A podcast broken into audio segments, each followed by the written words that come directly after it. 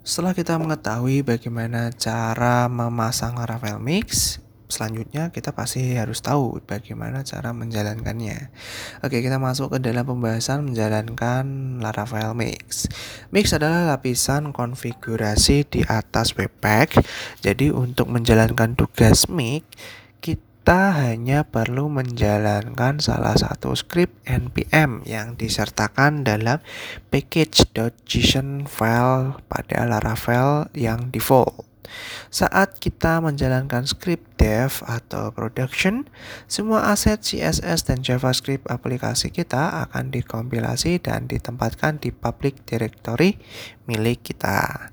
Untuk menjalankan run all mix text-nya, kita hanya perlu melakukan perintah npm run dev pada terminal kita.